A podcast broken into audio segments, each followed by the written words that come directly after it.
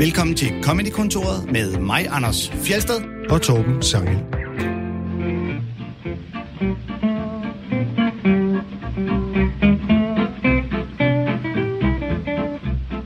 Man skal ikke blande sport og politik, er der nogen, som mener. Men øh, så vidt jeg er orienteret, så er det helt okay at blande sport og komik. Derfor er denne uges tema i Comedy-kontoret sport. Jokes og referencer til og om sport og sportsstjerner.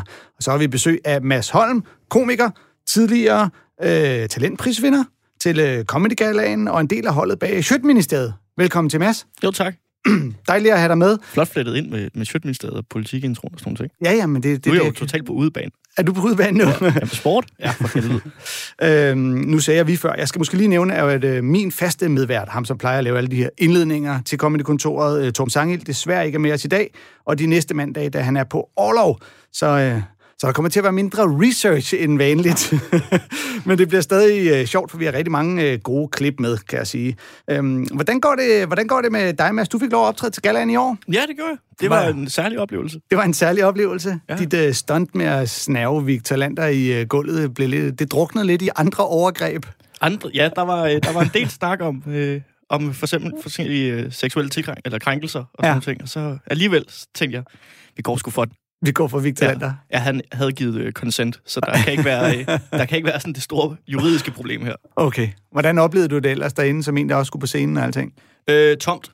Tomt? Super tomt. Ja. Altså, da man stod derop, det var virkelig... Altså, der, var, det, der er jo ikke mørkt ude i salen, fordi det er jo tv-program og sådan noget. Du kunne jo se alle de tomme sæder. Ja, ja. Og normalt, når man optræder sådan en halvtom sal, så man, "Ej, kan I lige rykke op foran? Og sådan, så bare de bare valgt at placere rundbord, hvor folk sad med 3-4 meters mellemrum. Det var simpelthen så bizart. Ja. Det var som at lave et rigtig, rigtig dårligt firmajob. Men det var, altså, det var stadig fedt at stå i operan. Ja. En fed scene. Mm. Og hvor man jo øh, normalt ligesom kan vælge at fokusere på, øh, om man må sige pøblen, det rigtige publikum, der sidder nede bagerst, dem, mm. Som øh, virkelig gerne vil have betalt for at komme derind. Dem var der ikke nogen af. Så var der ku- kun de der, der sidder og læner sig tilbage og siger, well, du er ikke lige så sjov som mig. Jamen, der var mange arme, der lige blev lagt over kors. Hister her. Ja. Men øh, vi, det er dejligt, du gider at, øh, at være med. Jeg kan huske, vi, vi havde faktisk spurgt, om du ville komme ind og være gæst lige præcis dagen efter galaen, og der var du skræmmende ærlig. Ja, det var jeg. Så, øh, det, det, der, er ikke, der er ikke nogen komikere, der gider at komme dagen efter galaen, men øh, festen var jo lidt neddroslet. Vi skulle have gjort ligesom øh, Masoud Vahidis podcast, og bare mødt op til efterfesten med optageudstyr. Han fik sat med mange sandheder på bordet der, tror jeg. Åh oh ja, vi skulle have lavet øh, comedy-kontoret i marken. Ja. øhm, som alle vores gæster, så bliver du jo øh, spurgt, hvad, øh, hvad er det sjoveste nogensinde? Hvad er dit idol? Og øh, det sjoveste nogensinde, der, øh, der har du valgt en, øh, en dansk kollega. Ja, jeg har simpelthen valgt Martin Nørgaard. Ja. Fordi når han er sur, Mm. eller kommer op i et, i et felt, eller rander, så er han det sjoveste nogensinde. Så er han, øh, så er han det sjoveste Og det er lige meget, om det er på scenen, eller backstage, eller når han står nede i Netto. Altså, han kan formulere sig på en eller anden skør måde, som bare altid får mig til at grine. Så han er bare det sjoveste nogensinde. Og du har øh, helt specifikt valgt en øh, bid for det show, der hedder Rage Against the Mainstream, Ja. hvor at, øh, Martin Nørgaard, han øh, snakker om øh, den såkaldte Hitler-sammenligning. Apropos, så vil jeg godt komme til at tænke mig, hvorfor er det, at vi har besluttet, at man taber en debat, hvis man sammenligner nogen med Hitler? Men Det er da en underlig debatregel. Det kommer an på, hvad vi debatterer. Altså, om jeg er da med på, hvis vi så diskuterer, hvilken is er den bedste is i hele universet. Så er det nok at være lidt hurtig på aftrækkeren. Bare råb, du er ligesom Hitler! Jeg sagde bare, at jeg foretrækker en god mælkedreng, jo. Ja, yeah, ligesom Hitler! Nej, hvad? Men nogle gange kan det være meget fint. Altså, jeg, synes, jeg tror, der er to ting, der har ødelagt en rigtig god nazisammenligning. Jamen... Nå, men det, jeg tror, det første ting er. Jeg tror, det første, der har en god nazisammenligning, det er, at det er som om, vi sådan her for eftertiden, det er som om, vi husker nazisterne som værre, end de var. Bliv siddende, Bliv siddende. Stop, stop af. Jeg kommer mere. Det, det, er, fordi det er lige meget, hvem man sammenligner med Hitler. Det er lige meget, hvem man sammenligner med nazisterne. Så er folk sådan, det kan du ikke tillade dig. Det er jo så ekstremt. Nej, hvor bliver det useriøst nu. Det er helt idiotisk at bringe det historiske eksempel op. Det skal vi slet ikke snakke om igen, fordi det var jo så ekstremt og enestående. Men det er jo ikke, det, det er jo ikke rigtigt. Det farlige ved nazismen var jo ikke, hvor ekstremt det var. Det farlige var jo, hvor fucking normalt det var, mand. Det var jo de fleste, der havde det jo fint nok med det, der fucking. Vi blev jo ikke rigtig invaderet her i Danmark, men vi dækkede op til fint besøg, de fleste af os. Der kom noget konservativt bestik frem og sådan noget. Det, altså, Nå, men Hitler var jo ikke sådan en ondskabsskud, der bare steg ned og var det ondeste i verden. Der var, jeg er kommet for at dræbe alle jøder, kom duft til mine sokker, de har været i gummistøvler hele dagen, bare. Og nazisterne var jo ikke monstre, der voksede op af jorden lige pludselig og bare gik i gang med at være naziagtige. Det var jo helt almindelige mennesker, ligesom alle os herinde, der over en lang årrække bare blev mere og mere enige om, gad vide, om alle samfundets problemer ikke bare skyldes de her lidt underlige mennesker, der ikke ligner os. Smask. Jeg ved ikke, om det ringer nogen klokker, altså. Jeg tror også, der er en anden ting, der har ødelagt en god nazisammenligning, og det er, at der er mange, der ikke forstår, hvad en sammenligning er. Der er mange, der tror, hvis du sammenligner to ting, så siger du, det er det samme. Men det er jo ikke det, du siger. Hvis, noget er, hvis to ting er ens, så er det det samme jo. Du behøver ikke sammenligne to ting, så er det, det er jo det samme, hvis det er det samme, for fanden. Det er jo kun, hvis to ting er lidt forskellige, at det kan være nødvendigt at sammenligne dem. For ellers er det det fucking samme! Men hvis du har to helt ens blå trøjer, du har købt samme dag, du har en kvittering på dem, du behøver ikke sammenligne dem. Det er den samme trøje! Er du dement, eller hvad? Men hvis du har en blå trøje, og du så finder en anden blå trøje helt indbærst i dit skab, der engang har dræbt en masse jøder i en KZ-ejer, så kan det være meget smart lige at undersøge, at de gjorde det det samme stof. Forstår I noget til det ordspil? Sådan! Ja tak! Ordsmester er ankommet. Hvad vil I gøre? Så kan I godt begynde at vaske hos Andersen ned af jeres facader. For der er en ny stor masturberende på en i byen. Hvad vil I gøre? Ja tak, jeg bliver boende. Jamen, det er så... Det er så... Vent lidt. Ej, det skal se ordentligt ud. Det er bare så underligt for mig, det der med, at Donald Trump har kun været præsident i et år. Og det er allerede blevet sådan lidt passé at sige, at Nå, han kunne da godt være forstadiet til sådan en moderne Hitler. Folk bliver rasende. Han er ikke Hitler! Nej, jeg siger ikke, at han er den rigtige Hitler, for helvede da. Jeg ved sgu da godt, at han ikke er den rigtige Hitler, for fanden. Det kan han da ikke være, det er umuligt. Han kan jo ikke være den rigtige Hitler. Den rigtige Hitler skød sig selv i hovedet med løst krudt og flygtede til Argentina for mange år siden. Det ved alle sgu da. Han er ikke idiot.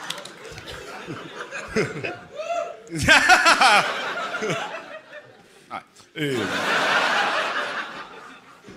Men det var så underligt for mig, det der med, at sådan, du må aldrig lave nazi Hvorfor må du ikke lære noget af historien? Hvorfor må du aldrig gøre det? Hvorfor må du aldrig gøre det?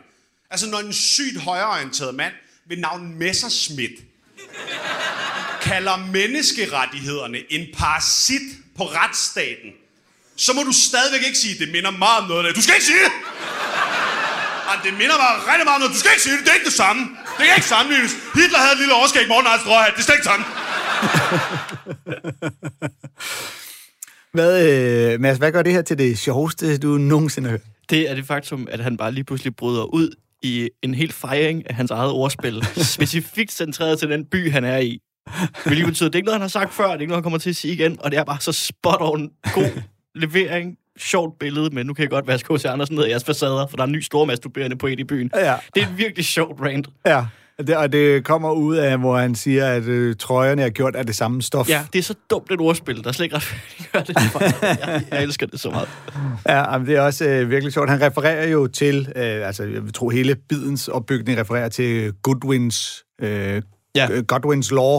At den øhm, første, der nævner Hitler i kommentarspor, har tabt. Øh, ja, altså grundlæggende så siger, sagde øh, Mike Godwin, øh, som var advokat, at øh, det var i 90'erne, han lavede den her tese om, at hvis en diskussion online går fortsætter længe nok, ja. så vil der på et tidspunkt være en, der sammenligner nogen eller noget med Hitler. Med Hitler. Ja. Og så stopper diskussionen ligesom der. Mm.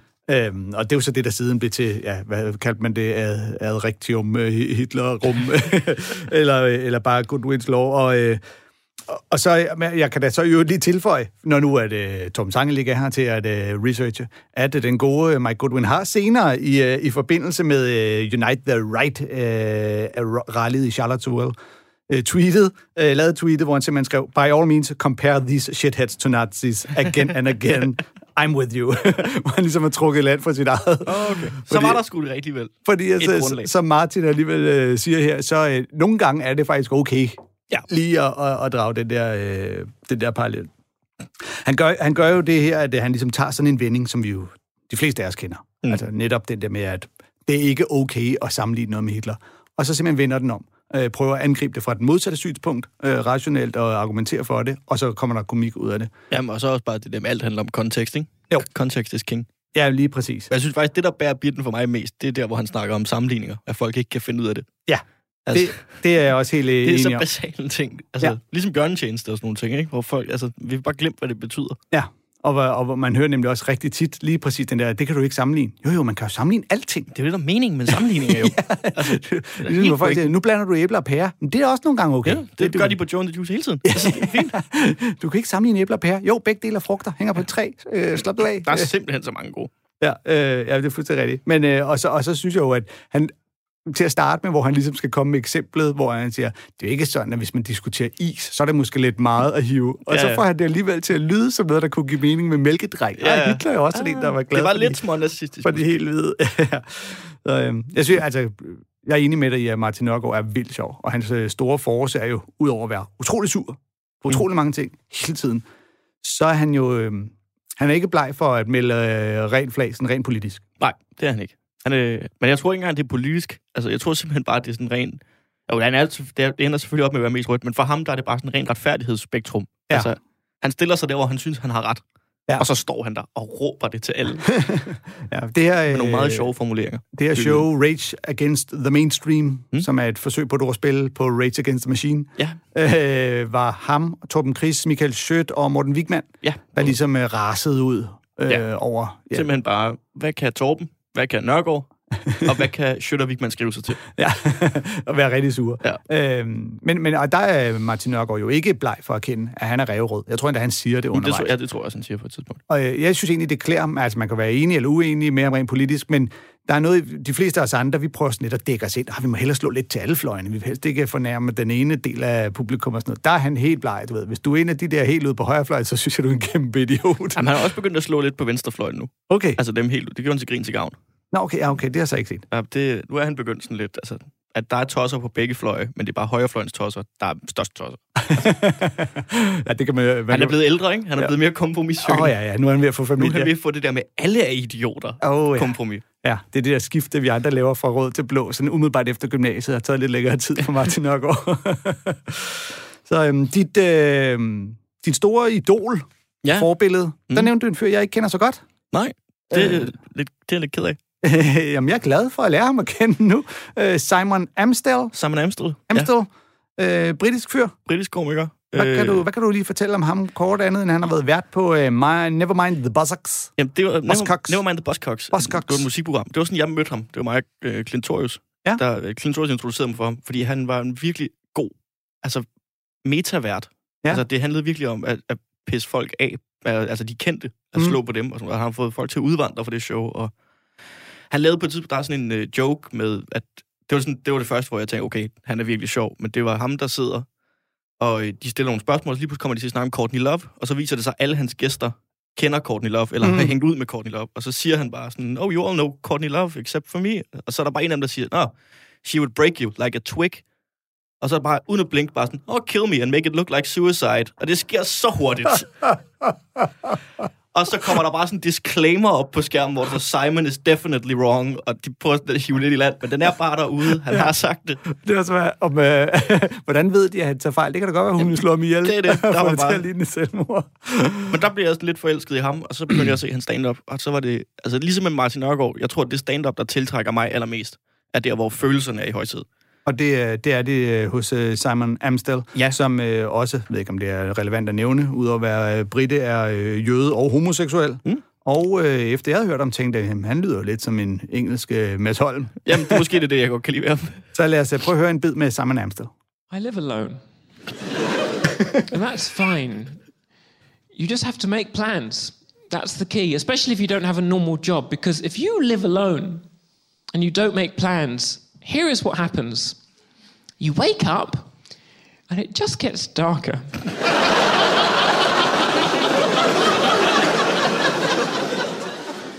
I caught myself a few weeks ago clutching my cat to my chest, saying, We're all right, aren't we?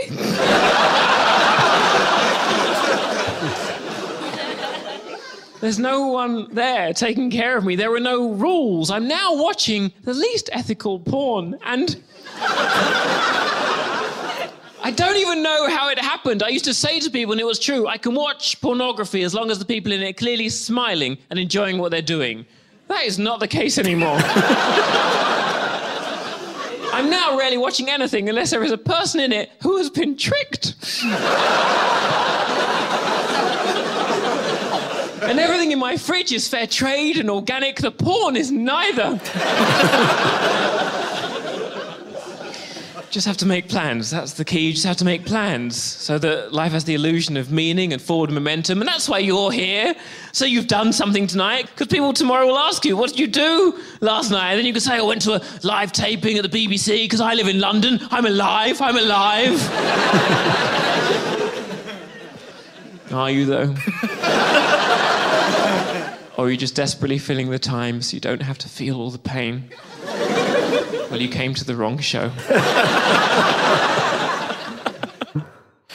Åh oh, ja, han er virkelig god. Men det er igen, altså, Mør- med Nørgaard, hvor det er sådan der vrede, og, mm. og den følelse, der ligesom er dominerende, ikke? Så det her, det er sådan, altså afmagt og, og, og altså tristhed. Ja, der er en melankoli i... Der er øh, han er så melankolsk Ja, og, øh, og subtil på en eller anden måde omkring det. ja, det Øh, er det. Han får mig faktisk til at tænke lidt på øh, Elias Elers, Ja, bare uden øh, raseriet. uden alle de store udbrud, ja. Ja, Men det, altså, jeg, jeg har det, jeg tror første gang jeg så ham, der var det bare sådan, jo tættere det ligner, han er på at græde, jo mere griner jeg. okay. Altså, og det, er sådan, det virker som det er den kontrakt, vi har skrevet under på. Ja. Og det, det kan bare virkelig godt lide. Og så er det meget, altså, man snakker meget om alt det indadvendte og sådan noget. ja, det bliver meget personligt Og så kan jeg øh, også huske- udleverende. Det er det mange år siden, jeg opdagede ham og sådan noget. Og vi har jo ikke en, øh, vi har jo ikke en dansk sådan, mandlig homoseksuel komiker i, i dansk stand-up lige, lige nu på Nej. stand-up-scenen. I hvert fald ikke officielt. Øh. Sådan, øh, ikke en, vi kender til. Nej. Nej. Øh, der er mange, der har nogle gæt. der bliver, det er jo alt, hvad vi laver i den der branche. Der Jeg. Jeg, får rigtig mange beskeder, men det har jeg nok også altså, selv gjort mig fortjent til. Der har været mange velbegrundede gæt på dig. Ja. Altså. Øh, men det, jeg så godt kunne lide ved ham, det var, når, fordi jeg vidste, jeg så nogle udlandske og sådan ting. Og hvis du er homoseksuel, altså så du laver jokesen, ikke? I'm gay, I'm, øh, altså alt det der. Hvor han snakker bare om sådan, jeg, havde, jeg, jeg blev sgu forelsket. Mm. Og så begynder han bare at lave den her bid om forelskelse, og så lige pludselig så går det op for en, at det er en mand, han snakker. Mm. Altså, det, han nævner ikke på noget tidspunkt. Han gør det ikke til en stor ting, for det er bare en. Det handler ikke om seksualiteten, det handler om følelsen i det. Ja. Og er lige den måde at omtale sådan problematikker på at lave comedy, det synes jeg altid har været vildt fascinerende. Ja, hvor han snakker om øh, ting, som vi andre relaterer til, uden at skulle lave det som Ja. fra mit synspunkt, fordi at... Jamen, det er bare fra et menneskes synspunkt, så skete det her for mig. Ja. Og øh, det var mig, der mødte en meget ung mand, og så laver han jokes om, at han følte sig altså, helt forkert. Ikke Mm. fordi han var homoseksuel, men fordi manden var meget ung. Ja. Og hans mor var med på første date. Åh oh, ja, okay. Sådan nogle ting. Ja, fordi følelserne kan vi alle sammen jo relatere til, selvom vi jo, altså fordi at selv forelskelsen er jo den samme øh, uagtet hvad, ikke? Men det er for vi har jo ikke nogen i Danmark, der, og man, vi snakker jo tit om det der med, at det kan være en fordel, hvis du får en form for niche. Mm. Altså, nu er der efterhånden så mange komikere, så hvis du på en eller anden måde kan skille dig ud, så giver det dig bare en edge. Ja. Om det er så, fordi du er indvandrerkomikeren, eller om det er, fordi du kan trylle lidt, eller altså, hvad det nu end er. Og, og det der med, hvis man er den første sjove, øh, altså åbne, homoseksuelle mandlige komiker, ja. Der, der, vil du, øh, der vil du få en niche lige med det samme. Ja, helt klart.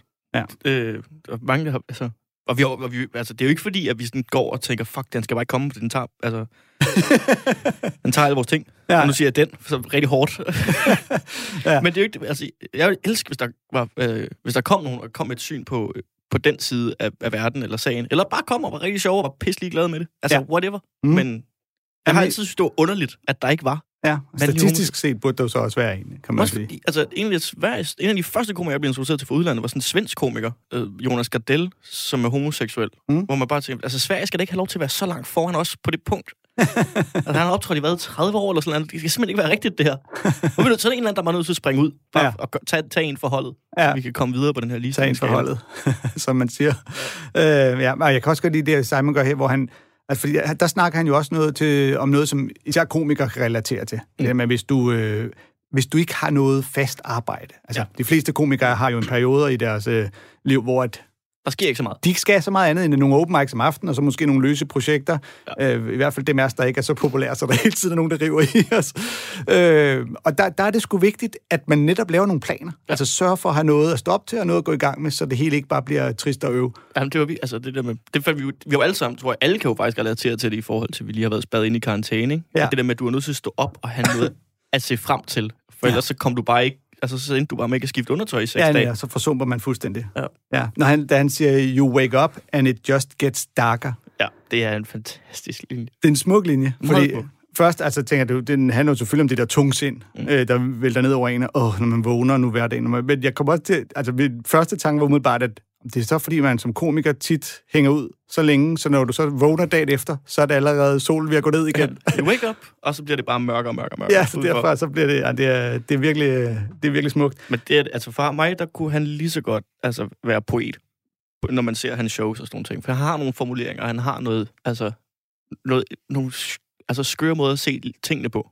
Der er noget, generelt noget poesi i, øh, især i britternes øh, Ja. komik. Ikke? Øh, nu har vi hørt vi Daniel Kitson for nogle uger siden, som mm. Mm. også kan det der med at virke lidt, og så sådan en som Dylan Moran, nu er han så irer, men, øh, men derovre fra, Ja, ja. som man ikke hører. Fra øerne. Ja, lige præcis.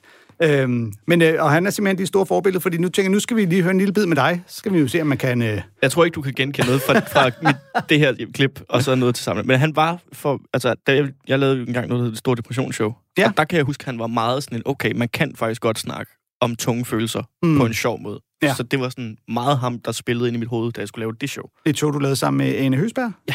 Og øh, som man kan finde på YouTube, hvis man har lyst til at se det. Nej, det kan man ikke. Nå, så kan- må man forestille sig, man, Man har må, man må lade som om, man var der. øhm, vi kommer ind, det er et, øh, vi hører noget fra øh, Grin til Gavn, Ja. øh, indsamlingsshowet fra øh, sidste år, og kommer ind, hvor du øh, ligesom snakker om, at du ikke længere er jomfru, men faktisk var det indtil du var 27 år. Mm. Øh, og vi kommer ind her, hvor du lige er blevet spurgt, om du vil være med til at aftabuisere det at være jomfru, øh, og skal ud på nogle gymnasier og snakke med de unge elever om at være jomfru. Men det startede sådan et, øh, et efterår, hvor vi skulle aftabuisere, og der, var, der kom jeg på banen igen, og så blev jeg kontaktet af gymnasier, om jeg ville komme ud og lave sådan nogle talks for unge mennesker. Og det sagde jeg ja til, indtil det gik op for mig. Jeg har været jomfru på gymnasiet før. Det var, øh, det var akavet. Men det er fandme endnu mere akavet at være jomfru på et gymnasie, du ikke selv går på. Det er der ikke meget street cred i. Så jeg kom ud, og, var, og det var lidt pinligt for alle involverede, men det der, de øh, børn ikke vidste om mig, det var, at jeg fik penge for at være der. Det var betalte foredrag, så jeg tjente lige pludselig penge på ikke at have sex. Jeg var en omvendt luder. Det var meget fed tid jeg var. Jo mindre jeg bollede, jo mere stod der på kontoen. Genialt, siger jeg bare.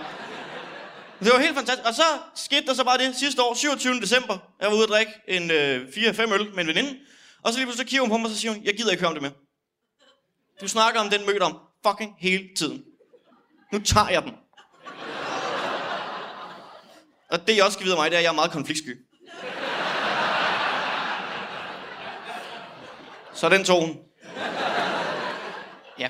Og øh, det kan godt være, at I sidder og tænker, 27 år jomfru, det skulle da også sørgeligt. Men hvad er egentlig mest sørgeligt? At være en 27-årig mand, der hviler i sin seksualitet, venter på den rigtige, og endda tjener penge på det? Eller være en 27-årig mand, der har bollet en gang, hvor det var lidt dårligt? Den første. Det var dårligt. Jeg, ved, jeg har hørt om mænd, der har kigget på kvinder efter sex, og så har de spurgt, hey, kom du? Det havde jeg ikke behov for at spørge om. Det var der ikke nogen tvivl om, hun ikke gjorde. Hun kom så lidt, jeg tror det tekniske term er, hun gik.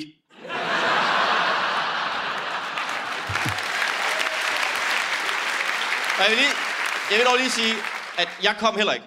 Altså, der var ikke nogen af os, der fik noget ud af det samleje overhovedet. Og så da jeg fortæller mine venner, at jeg har haft sex, så spørger de ind til detaljerne, og så fortæller jeg, at jeg kom ikke. Og så en af mine venner, der hedder Victor, kigger på mig, og så siger, Nå, så tæller det ikke. Hva? Nå, men hvis det, så tæller det ikke, så er du ikke øh, fuldbyrdet, så er du stadig jomfru. Nå, okay. Er det den logik, du ruller med, Victor? Så skal du da gå hjem og fortælle din kæreste, hun stadig er jomfru den dag i dag. Equal fucking rights. Ligestilling. Ja, ja, ja. Okay, det. Oh god. Vi har stadig kontakt i dag, øh, mig og hende, der bollede mig. Øh, vi snakker stadig sammen. Vi er ret gode venner. Vi er ude og drikke kaffe for nylig, og så, øh, så kigger hun på mig og fortæller, at hun har været på date ugen inden med en fyr. Det var gået rigtig godt, de var endt op hjemme hos hende. Og så kigger hun ned i kaffekoppen, og så siger hun, det var det værste sex, jeg nogensinde har prøvet. Jamen, er I med på, hvad det betyder? Det betyder, at jeg ikke længere er... Oh, wow, hey, øj, kæft, mand. Det er den bedste nyhed, jeg nogensinde har fået i mit liv. Jeg er ikke den værste, hun har været sammen. Hold kæft, jeg high mig selv så hårdt for, at mit ego eksploderer. Også fordi han har sikkert øvet sig. Han har sikkert prøvet det før, men jeg er bare kommet ind fra højre ren naturtal. Bare, hvad skal du bruge? Bang! Ja, vi har.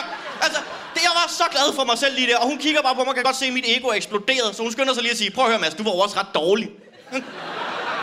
Nå ja, det kan godt være, at jeg var ret dårlig, men jeg er jo ikke den værste, du nogensinde har været sammen med.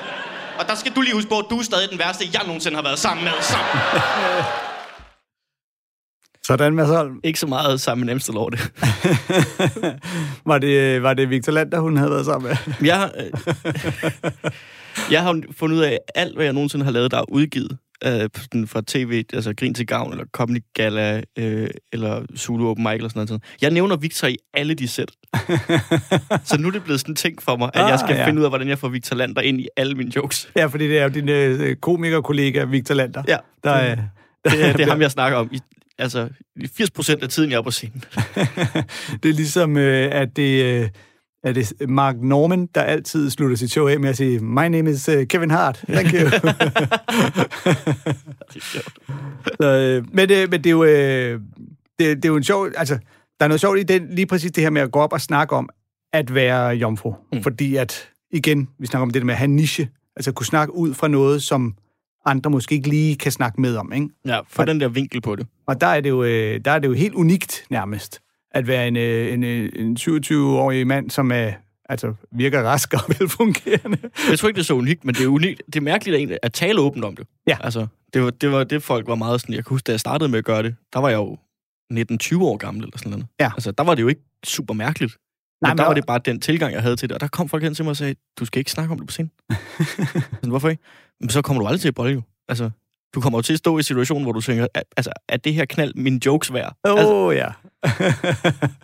Som øh, ligesom hvis uh, Heino, øh, der er nogen, der spørger, om han øh, vil få rettet sine øjne. Nu ved jeg godt, det ikke er noget, han bliver sjov. Jeg synes, det er sjovt at blive nævnt, men øh, at det vil komme til at koste ham nogle jokes, så er du bange for... det, er jo bare det der med, nogen, altså, hvad vil du gøre, hvis du lige pludselig ikke havde børn? Ikke? Ja. Altså, eller sådan, altså, alle har de der. Hvad, hvis ja. din kæreste gik fra dig, hvad skulle du snakke om? Ikke? Altså, det, prøv at tænke lige, på, hvis hvis min kæreste gik fra mig, hvis Fuldorf mistede Karina, ikke? Altså, så skulle du se det store skilsmisseshow. ja, ja, men hvad så bagefter? ja. det, du siger, Så skulle han jo bare ud og malke det der. Så lige pludselig skal vi til om 20 år at høre, ah, min ekskæreste Karina er jo stadig gammel. Altså, det, Ja, og det der, du sagde, hvis du ikke havde dine børn, der, indrømme, der bliver ramt af en ting, der tænkte, så ville min joke skulle ikke være min største bekymring lige der. okay, jeg kan godt se, det måske var dårligt. Men det, øh, det er jo også et oplagt emne at snakke om, fordi at man inden for comedy kan få meget komik ud af at snakke om ting, der er lidt tabu. Ja. Og det er jo lidt tabu at være øh, jomfru eller generelt. Fordi det, Det virker som om, vi fuldstændig har aftabuiseret sexdelen i hvert fald. Ja. Altså, alle kan gå op og snakke om sex på scenen, og vi bliver jo tit beskyldt for, at det er det eneste, vi kan. Og, sådan nogle ting. og så synes jeg, det var sjovt at finde noget, at du kunne snakke om sex på en måde, hvor folk stadig synes, det var sådan lidt... Øh. Ja, altså, Altså, ved at snakke om det, ved at du ikke snakker om, du ikke snakker. Jeg snakker om, altså, det der med bare at prøve at gætte, hvad ja. det handler om og sådan nogle ting. Også fordi de fleste øh, unge fyre, der snakker om, at de stadig er jomfru, så er deres main fokus handler om, at det er et problem, der skal løses. De siger det, fordi så vil de gerne have, at der kommer nogen, der siger, Ja, ja, fordi- skal jeg ikke lige tage den for? Netop, at det, det er noget, de er ked af, det er noget, der skal... Og, og der, der tager du en lidt anden approach. Ja, jeg var, det rørte mig overhovedet ikke. Mm. Det var Mm. meget sådan, det var meget klar i mailet omkring, at jeg, jeg ledte ikke efter det. Jeg Mm. synes bare, det var sjovt, hvor meget andre gik op i min seksualitet. Ja. Altså, det var mit primære fokus på alting. Og selv nu, hvor du faktisk har prøvet det, så... Folk øh, går stadig virkelig meget op i min seksualitet. Ja. Det er helt vanvittigt. Fordi øh, nu fortalte du her om, hvordan øh, din, øh, din mødom blev taget. Det lød nærmest som en historie, du skulle have gemt, til du en dag bliver vært på øh, Comedy Galaen. Åh, oh, ja, men... Øh, altså, nu var det jo ikke Kenneth Plummer, der tog min møde oh, ved, du, ved du noget? Nå, nej. Ja, det var, han er den eneste DR-chef, jeg har hørt om nogensinde. okay. Jeg vil lige sige, det, det skal jeg nok lige... Det vil jeg, jeg aner ikke noget om, hvem det er. Føler du det? Fuld disclaimer. Jeg aner ikke noget. Det var bare fordi, jeg, han er den eneste DR-mand, jeg kender ved navn. Vi, kender, vi klipper alle dine disclaimers ud. Programmet har brug for den omtale, og de overskrifter, det her kommer til at give. Gud, jeg, det er derfor, jeg hader at lave sådan noget. Jeg kan godt lide, at du, øh, også, at du både viser den der sårbarhed, der er i at skulle fortælle, at øh, det dels er den eneste gang, man har haft sex, har været øh, utilfredsstillende, og man ellers har været jomfru længe, men du er stadigvæk nok i kontrol til lige at give de der punch ud til højre og venstre, ikke? Men det er noget nyt, faktisk. Mm. Det, var, det er faktisk kun til, til det her grin til gavnsæt. Okay. Og, og det kom så primært af, at folk sagde, at jeg var nødt til at have noget mere pondus på scenen, for at trænge ud over scenekanten. Okay. For jeg kan bedst lide der, hvor det altså, slår på mig. Ja. Jeg synes, de der sviner der, de er sådan lige... De er lige til den hårde side for mig at sige. Men altså, de virker, det er sjovt og sådan nogle ting. Og det, er, og det er, har et overraskelsesmoment, fordi det kommer fra en, der lige har slået sig selv så langt ned i et hul. Mm. Altså stadigvæk kunne nå op og lige prikke til de andre. Ja. Det er stadig meget fint. Ja, ja, ja, jeg elsker øh, pointen om, at du tjener penge på ikke at bolle med nogen, at du er en øh, omvendt prostitueret. Ja. Det, synes Jeg er så ked af, at jeg sagde... Øh, jeg, vi lavede det jo tre gange den dag. Ja. Og i de to første shows sagde jeg prostitueret. Og så i det tredje show, vi optaget, siger jeg luder. Og jeg er simpelthen så ked af, at jeg sagde luder, fordi jeg synes, prostitueret er et bedre ord. Ja, Og det er lidt finere, og det har en bedre rytme. oh, ja. Men så Øh, da de det, er sådan, det, det. det, er en af de store sådan, for, altså, ting, jeg fortryder ved det sæt. Ja, okay. Ja, det kan, det er jeg sagtens følge. Men jeg tænker straks, jeg synes jeg straks over, at der er noget sjovt, jeg forestiller sig, de prostituerede, der simpelthen øh, kigger på dig og tænker, hey, wait a minute. Wait a minute. Behøver jeg ikke? Kunne jeg have... Ej, Kunne jeg have holdt foredrag? det er for sent nu, søster. Jeg kan stadig nå ud og holde foredrag om øh, det magiske ved sex. Åh oh, ja, sex, øh, lagen-gymnastik og hvad man ellers skal kalde det Hold slags. kæft en segway. Kan du mærke det? Ja, ej, var det sindssygt. Nu skal vi også snakke om sport, kan jeg mærke. Det skal vi nemlig. Øhm, fordi temaet i denne uge har jeg simpelthen øh, valgt skal være komik, der handler om sport. Af den simple årsag, at det er super svært at få øh, Torben Sangel overtalt til, at det skal handle om sport. Ah, for så, kan den slet ikke være med. første gang, han ikke er her, så tænker du, nu så nu. nu skal jeg have lov at få udlevet min indre øh, atlet. Mm. Øhm, for at, øh, at for, der er masser af komikere, der bruger sport som reference. Øh, både fordi, at der findes så mange forskellige sportsgrene, så der er masser af observationer at gøre sig. Øh, sportsstjerner er jo øh, kendte og atleter, som man kan referere til i kraft af alle de ting, de gør og siger og dummer sig med. Og så øh, ja, kan der jo laves øh, analogier og, og lignende over forskellige øh, sport, og de fleste af os er jo med på referencerne, når det handler om sport. Ja. Øhm, den første fyr, vi skal høre, er en amerikansk komiker. Vi har spillet en enkelt gang før. Han hedder Ted Alexandro. Og øh, vi skal se, øh, høre en bid fra, han var med i Conan, øh, hvor han øh, fik lov lige, de har altid nogle komikere, der kommer ind, og han bruger sådan en helt øh, velkendt øh, comedy-knep, nemlig analogien, du ved. Det, det svarer jo til. Øhm, det kan være, jeg lige skal, øh, skal fortælle, at han snakker med Shaquille O'Neal, som ja. er en øh, stor NBA-basketballstjerne, Yep. hvis der er nogen, der ikke ved det, som øh, var et rigtig stort navn i klubber som øh, Orlando Magic og LA Lakers, og så senere i karrieren, så tror, trappede han lidt ned og begyndte at spille i øh, Boston Celtics, da han var, øh, var en gammel, aldrende øh, basketstjerne, og det kommer her. Very excited. My wife and I are celebrating our first anniversary this week. Thank you. Yeah, she and I decided to have a heterosexual wedding. Uh, you have to discuss everything these days. You can't take any detail for granted. I told her I identify as the groom. She's like, I feel like the bride. I'm like, great, that's one thing down. Let's talk appetizers. We had a bit of a love story, she and I. Uh, we reconnected after 10 years. Uh, there was an age difference, and there still is. That's how math works. But it feels like less now because we're both older. She is in her early 30s. I'm in my late 40s. They say a woman's sexual prime is her 30s. So she is in her sexual prime, and I am not. I'm past my prime. Like, do you remember when Shaq played for the Celtics? That's me. He didn't look like himself anymore. He had a hard time getting up and down the court. He was an embarrassment some nights. And I bet there were nights where Shaq's teammates were very angry at him, like, Shaq, what's your problem? Do you even want to play with us? Do you have any passion for the game? And Shaq was probably like, no, guys, I love you. It's just that I'm a little older now. It takes me a little longer to warm up. Maybe if you could just be a little patient. Shaq probably said to them. and I just feel it was really wrong of Shaq's teammates to treat him that way. He was a legend, he had accomplished a lot in the game. And sure, if Shaq were to be honest with himself, he would admit that basketball didn't mean as much to him as it once did. There was a time when all Shaq thought about was basketball all day, every day. But not anymore. He was an older man and in a lot of ways wiser. And if you look back, Shaq had some really good games for the Celtics. Not every game, not every game, but on certain nights, he looked like the Shaq of old. And I just wish that his teammates could have appreciated those nights instead of harping on the nights that he had difficulty performing.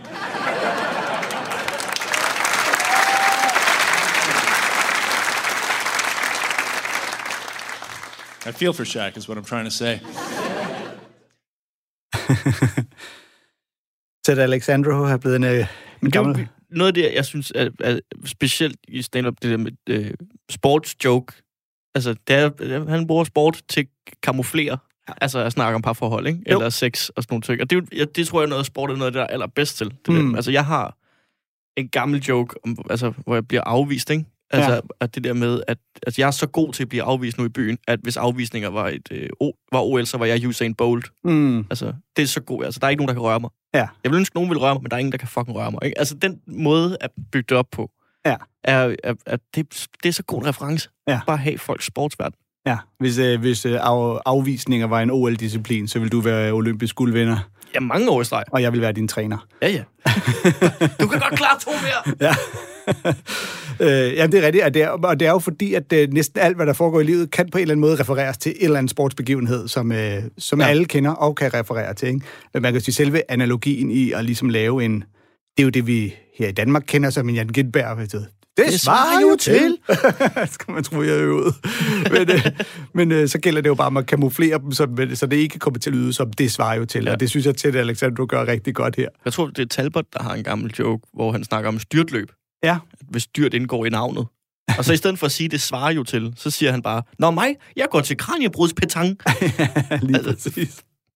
Apropos sammenligninger. Ja. Det er ikke det samme. Det er, det er ikke det samme, nej. Jeg, jeg, jeg, jeg kan godt lide, at hvis det var her i Europa, så ville man jo nok ikke have valgt en uh, NBA-stjerne. Så havde man ty- typisk nok taget en fodboldspiller, ikke? En aldrende fodboldspiller. Jeg kan huske, at Messi stadig spillede i Barcelona. ja lige præcis. Ikke? Du ved, øh, nu er han blevet til tykke Ronaldo, fordi nu gider han sgu ikke helt 20 længere, er, men- er, er et godt eksempel. Ja, man ved, at han stadig har nogle skills, men for det meste, så tror jeg, så er han bare, så er han bare rundt og blevet lidt for tyk. Ja. øhm, vi skal høre en anden, en amerikansk komiker, Daniel Tosh, Yep fra øh, albumet, der hedder øh, Happy Thoughts. Øh, og Daniel Tosh, han bruger rigtig tit sport som øh, reference. Her der handler det om svømmeren Michael Phelps, der øh, på et tidspunkt fik noget ballade, fordi han var blevet taget i at ryge pot, hvilket man jo ikke bør gøre, når man er et sportsidol og et stort forbillede. Og så refereres der også til øh, basketballstjernen Kobe Bryant, som på et tidspunkt blev beskyldt for øh, voldtægt. Rest in peace. I don't know what's more embarrassing in this country that Michael Phelps fell from the graces for smoking marijuana or that you looked up to a swimmer in the first place. Are you out of your mind? Swimming? You mean that thing you instinctively do before you die? Yeah, but he's really fast. It's pretty heroic. The first thing Michael Phelps should have done when that photo came out was call Kobe Bryant's publicist. Because Kobe was accused of rape. And all he had to do was settle in civil court for millions of dollars, change his jersey number, win a championship, and that soulless town in LA couldn't be prouder. yeah, I just hope when parents let their kids run around in number 24 jerseys, they have the decency to be like, well, come on, number 8 was the rapist. 24 just has a great work ethic and an unblockable turnaround. Michael Phelps. He won 13 gold medals in Beijing, which I'm told is a lot. Wait till he competes in the Special Olympics because he will clean up. and yeah, he'll get in. He has an underbite. That's a sign of Downs. How is that guy shattering world records with that mouth filling with water on every stroke? Knock it off with shaving your balls. An orthodontist could get three seconds off your best time. And I don't know all the rules to your sport, but I'm pretty sure your ears can't paddle. and then what did we do? We awarded him 50 most beautiful. I can only assume we were doing a neck down issue. Let me guess, Fergie was on the cover? Oh, because she's fugly. Have you ever seen her? No one has. Cameras hold on her about that long before record sales dip. I mean, she can't sing and she's ugly? Thanks for ruining the Black Eyed Peas. Some of you still like them? That's because you're 2000 and late. I've got a feeling. Ja, ja, han når øh, lige øh, øh, fra sport over til lige at svine Fergie på, øh, for at være grim. Det var bare du, der sidder, der sked lige bagved dig. du sidder og kigger ud af vinduet bag mig. Men kom til... Ja, never mind. Glem det.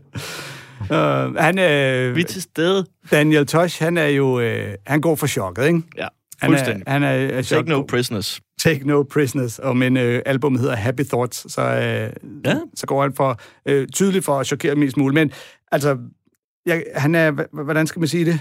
Man er jo ikke i tvivl om, at han på en eller anden måde har de rette holdninger, fordi at han giver udtryk for, at det, at Kobe Bryant slap afsted med den voldtægt, det er ikke okay i hans øjne i hvert fald. Nej, men altså, for mig, så tror jeg mest, det er bare... at Det, han ikke lægger skuld på her, det er, han laver godt nok grin med folk, der ser op til sportsstjerner, og så ved han utrolig meget om dem. Ja, Altså, ja, ja, det er rigtigt. det er... Ja, fordi han ved jo, han kender jo, øh, hvad referencerne er, ikke? Ja, han følger med. Og så alene den måde, hans turnering, altså at han i sætningen ligesom ved hjælp af turneringen kan få givet udtryk for, hvor, hvor nedladende han, altså, han er overfor Jamen, han er ikke? I don't utrolig- know the rules to your sport. Men altså, han er utrolig god til at være nedladende. Ja. Og øh, altså, over, altså, han tramper bare. Han, han stamper bare nedad, ikke? Men Jo. altså, uden rigtig at gøre det jo, fordi det er jo stadigvæk altså, millionære atleter, han slår på. Ja, ja. Han kan simpelthen få dem til at virke som de mindste mennesker i verden. Ja, så, men, men der, er bare, den, der, er den, bare den måde, han siger sport på, ja. Så ved man godt, han betragter ikke svømning som en sport. That thing you do before you drown. Ja, right before you drown. så, øhm, Swimming is not a sport. It's a way to keep from drowning. It's common sense. Jeg, øhm, jeg sammenligner ham nogle gange med øh, Anthony Jeselnik, som vi tit spiller ind, Ja. som jo også er en, der får de fleste af sin gris på, grin på at chokere. Ikke? Mm. Altså, du ved, chok-effekten. Nu siger han noget virkelig grænseoverskridende. Men jeg synes, Daniel Tosh har alligevel øh, lidt mere holdninger bag. Altså, hvor Anthony Jeselnik, han, han opfinder øh, præmisser og scenarier, for at det kan blive grænseoverskridende. Ikke? Jamen, altså, jeg tror, Tosh er mere... Jeg, nu skal jeg passe på, ikke. Være mere klassisk stand-up. Altså, Ja. Bare med, med hans eget take på det. Hvor Jesselnik er jo bare altså, en, en, en psykopat, der læser op af sin dagbog. Hans opdigtede dagbog, vil ja, jeg mærke. Ja. Jamen, altså, ting, han har siddet ind og, og skrevet ned ikke? i Ja. en, øh, en gummicelle.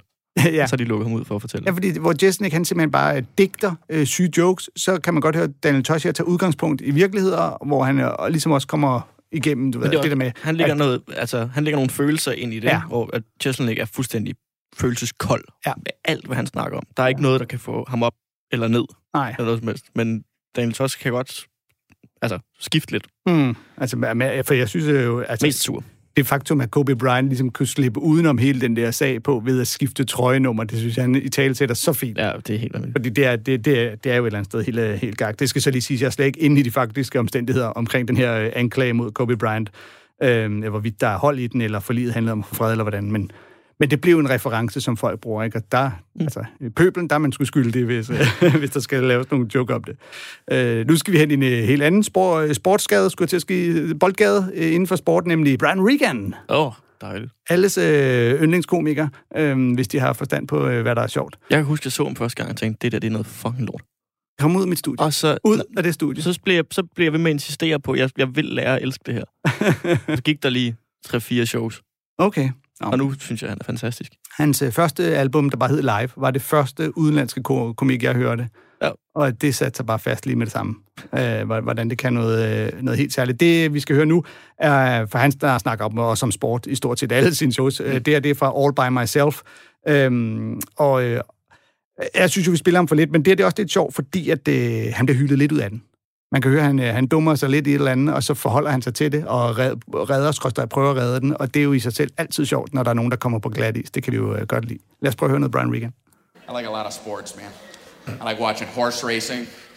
And uh, I was watching a horse race one time on TV. This is true. All the horses came out of the gate and took off, you know, hey, here we go. Sounded something like that. You know how horses sound. All right. It's not the point of the joke. I hope you're not expecting a good horse impression. Hey, all right. that don't sound nothing like a horse. Well, here, clippity clop.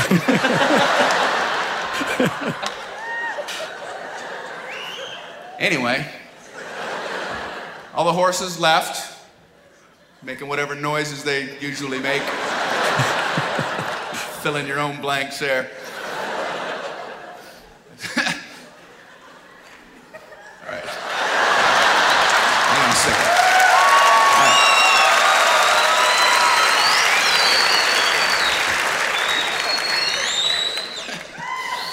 So they're they're running. Don't forget about them because they come into play later. One horse fell coming out of the gate. He was like, hey. Sounded sort of like the other horses. He threw the jockey over the top. The jockey was like, man, I'm bad at these. Whatever. All right, so those horses are running. This joke's not gonna make it on the CD. I can tell. I do something drastic.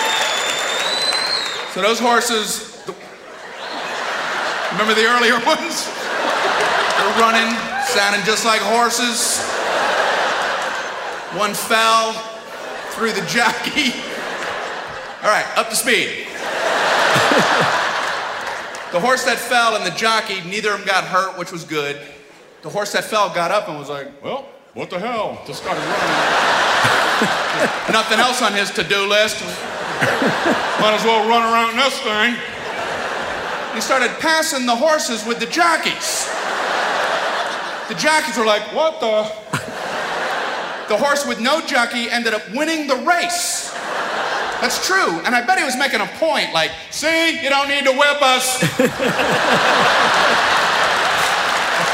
we get the idea. You want us to run rapidly? Swift of hoof. I bet the other horses were in on it. Let them go.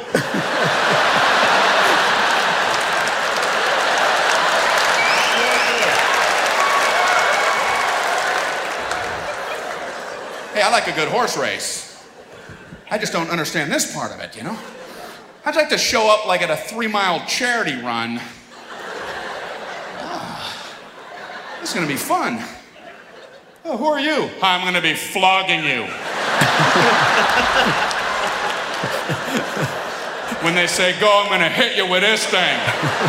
Get you going. And then you'll leave me alone. No, I'm gonna be with you the whole way. And I'm gonna keep hitting you as hard as humanly possible. So you'll know to run. I know to run, yeah, but a reminder couldn't hurt.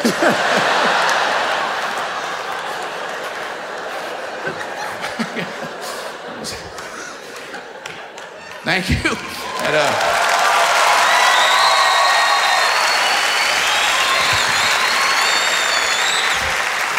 that joke came in with a lot of duct tape on it. what is this? I think it's a joke. I don't know. There's a lot of repair work done on it. Den, Den er øh, god. Den skulle have lidt gaffatape ja, for at nå i ja, mål. ja, den, den haltede lige over modstregen, men den var der. Ja. Lige nogle gange, når man, øh, når man hører sådan noget her, hvor at, ah, så dummer han sig, og så får han lidt sjov ud af det, og så kan han referere tilbage til det. Nogle gange får man den der mistanke om, at det har du gjort før, det her. Ja. Det er, det, Det er super forseret impro, det der. Ja, men det, lige den her, synes jeg faktisk, det lyder lidt som om, at det er sgu ikke helt bevidst. Man kan høre, at han ligesom er nødt til at stoppe sig selv indimellem og sige, ah, okay, hvad, okay, vi, vi, vi Hvor var fortsætter." det, jeg skulle hen? Og så er han bare så dygtig, så han kan. Det er sjovt med det der med jockeyen, der lige pludselig bare... ja, så skal alle stemmerne fuckes op. Ja. Så, og det var i virkeligheden et utroligt langt setup. Øh, det bliver jo så selvfølgelig ekstra langt, at han fucker det op, men øh, det, kan man, det kan jo bære det, fordi han er så sjov. Men ja. et langt setup, han har gjort sig på simpelthen observationen af, at hey, hesten uden rytter er hurtigere end hesten med rytter. Ja, hvor meget kan jeg få ud af det her? Ja, altså, det, det, der, det må der være en grund til, fordi jeg gætter på, at hestene synes, det er nederen at blive pisket. Ja. og så lige igen en klassiske, det svarer jo til, Det er... at jeg tager ud til det her løb med det velgørenhedsløb med alle de her fyre, der skal løbe 5 km og bare begynder at piske dem rundt. I'm gonna be flogging you. I'm gonna be flocking you. Jeg kan løbe, ja, en Ja. lille reminder. Jamen, det er så gode klassiske jokes på en eller anden måde, ikke? Altså, det er virkelig bare stand-up, når det er... og så er han en mester ude i de der act-outs, ikke? Ja, Hvor han hans, netop- hans ansigt er jo for sindssygt. Ja. Altså, hvad han kan få ud af de der små ting med øjnene og munden. Og, altså, det er helt vildt med hvor god mimik han har. Ja, og så, og så sådan en, øh, en rigtig god goofiness. Ja, han, han ligner op... Altså, han er jo, sådan som jeg forestiller mig, hvis Fedtmule var et rigtigt menneske. Ja. Altså, det er jo, det er jo Brian Regan. Og alle personer, der er involveret i alle hans jokes, er altid bøvet. Ja. altså, Han, han, altid, han "Øh." kender sine øh, begrænsninger som skuespiller.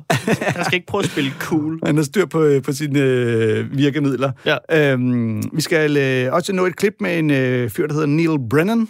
Uh, ja. Kender du ham? Ja, Øhm, så han er jeg er rigtig glad for ham. Øh, Ja. I øh, visse sammenhæng. han øh, er, var, var Dave Chappelles faste marker og medforfatter på Chappelle Show. Ja.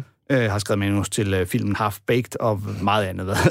det er nok en af de Yep. ting, han er stolt af, lige, der lige bliver nævnt. Har du ikke set hans øh, tale til Chappelle, da Chappelle fik øh, den der Mark Twain-pris? Nej, det har jeg faktisk ikke. Og der, øh, Den må jeg lige få set, det kan skal du se, mærke. der er han fandme, der er han on fire, Okay. Neil Brennan. Det er, noget, det er nok noget af det sjoveste, han nogensinde har lavet. Nå, Mark Twain-prisen. Jeg har set, at Steve Martin modtager den. Ja, og de gav holder den til. Chappelle sidste år, og de, gjorde det, de lagde det faktisk på Netflix. Altså Nå. hele awardsceremonien, og så har de klippet det sammen med Dave Chappelle, der står med alle sine venner og optræder på en uh, comedyklub i Washington, som er der, hvor han debuterede. Eller sådan noget. Nå, okay. Så er det bare alle, alle de kendte er dernede, og så Ja. klipper de det sammen med det der kæmpe ceremoni. Ja, Det har ikke okay. en skid med sport at gøre. Bare at sige, hvis Ja. man vil se noget virkelig sjovt, så skal man se Neil Brennan holde en hyldestal til Dave Chappelle. Ja, for jeg, øh, jeg så Steve Martin, der holdt takketale, for han modtog Mark. Ja. Twain-prisen, hvor han øh, undervejs siger, jeg vil gerne komme med et øh, klassisk Mark Twain-citat, som er sådan papir op i lommen og læser. Øh, Don't ever name an award after me. Der er mange gode takketaler derfra. Will Ja. Ferrell, der taber statuetten inden for 20 sekunder, Åh, og så bare perfekt. fortsætter og bruger 10 minutter på at snakke om, hvor meget han vil sætte pris på den her og passe på den, og hans børn må ikke røre ved den og sådan nogle ting. Øhm, Neil Brennan, vi skal høre, han snakker om øh, amerikansk øh, fodbold med øh, udgangspunkt i en øh, fodboldspiller, der har banket sin kæreste i en elevator, og det er for showet, der hedder øh, Three Mics. Kom her. There's a new NFL scandal from a player all like three times a week. Yeah, most famously was the uh, the Ray Rice one, the guy who punched his girlfriend in the elevator. People are always surprised with this. You can't be surprised. Football players are violent. First of all, their job in and of itself is attempted murder. Like that's their job. Like football roster is basically like two guys that can catch, two guys that can throw, kicker, punter, 40 murderers. like whenever I read a headline like Ray Rice punches girlfriend on elevator, all I see is like football player does football at the wrong time.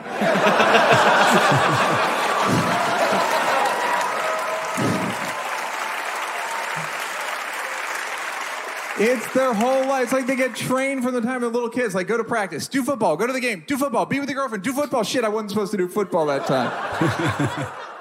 I was supposed to do elevator and I did football. Well, I better get her body out of here. I don't want her to be mad at me. Better get her flip flop. I'll never hear the end of that.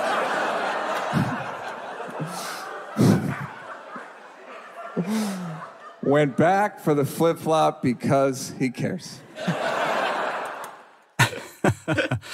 Øh, det skal siges, at den her øh, øh, episode, han snakker til, var en football player, der hedder Ray Rice. Ja. Og der var overvågningskamera i elevatoren, hvilket betyder, at alle fik lov at se, hvordan han altså, decideret bare knock-outer hende, mm. øh, fordi de har noget skamysler. Hun øh, går mod ham, han knaller hende i gulvet, og så kommer overvågningskameraet fra ud for, hvor han trækker hende, prøver ligesom ja. Ja. at trække hendes bevidstløse øh, krop ud af elevatoren, og så lige skal ind og have benene og, øh, Og er sandalerne med. Ja. Øhm, Men nu det er- følger jeg jo med i NFL, Ja. og øh, han spillede for Ravens dengang og blev fyret. Ja. Øh, øh, Baltimore Ravens. Og de har fået en øh, ny running back, der har fået hans nummer. Og jeg så en ekspert skrive, når du ser ham, den der rookie, når han løber mm. med det nummer, du kan ikke lade være med ikke at tænke på Ray Rice, og så lige under 10 Altså, jeg mener med hensyn til fodbold. ja, Den er man bare nødt til at have nu. Ja, har de ikke lært noget af Kobe Bryant? Ah, Nyt men- nummer, mand. Nyt nummer. Ja, så for ham den nye rookie, der bare... Hvorfor skal jeg spille med det? ja. Det er, det er mere... Det er Number virkelig sjovt. 24 is a wife beat. ja, præcis.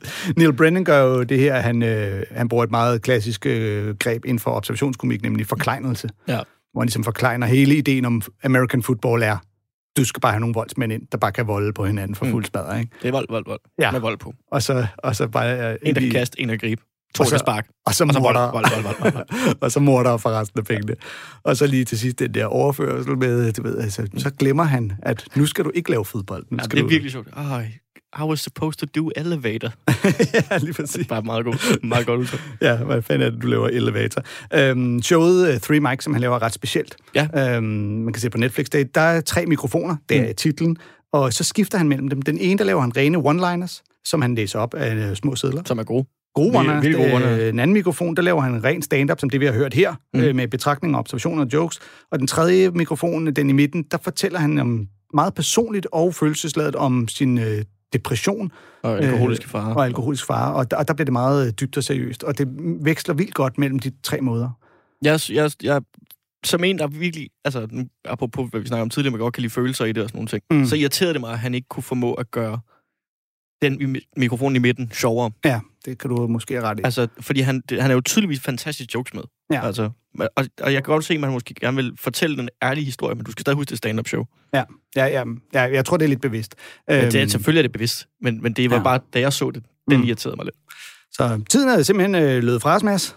Cool. Ja. Ja. Jamen, jeg fik da også kun øh, sagt en masse forfærdelige ting i løbet af den sidste time. sagt så mange gode ting. Det var så dejligt at, at have dig med i Comedy-kontoret. Ja, om sport. Øhm, om sport, lige præcis. Og nu er vi simpelthen nået frem til målstregen. Yay! Uh, hvor han kan. Kæft, hvor kan du. Har øvet dig. Det har jeg nemlig. Lyt med Har du igen. ikke en sportspodcast? Det er sjovt, du siger det. Det har jeg en med fodbold. Den, ja. den kunne man også gå ind og lytte til. Øh, nu kommer der nyheder om et øjeblik, men vi takker af fra Comedy-kontoret fra øh, den her gang. Lyt med igen næste mandag. Jeg hedder Anders Fjeldsted.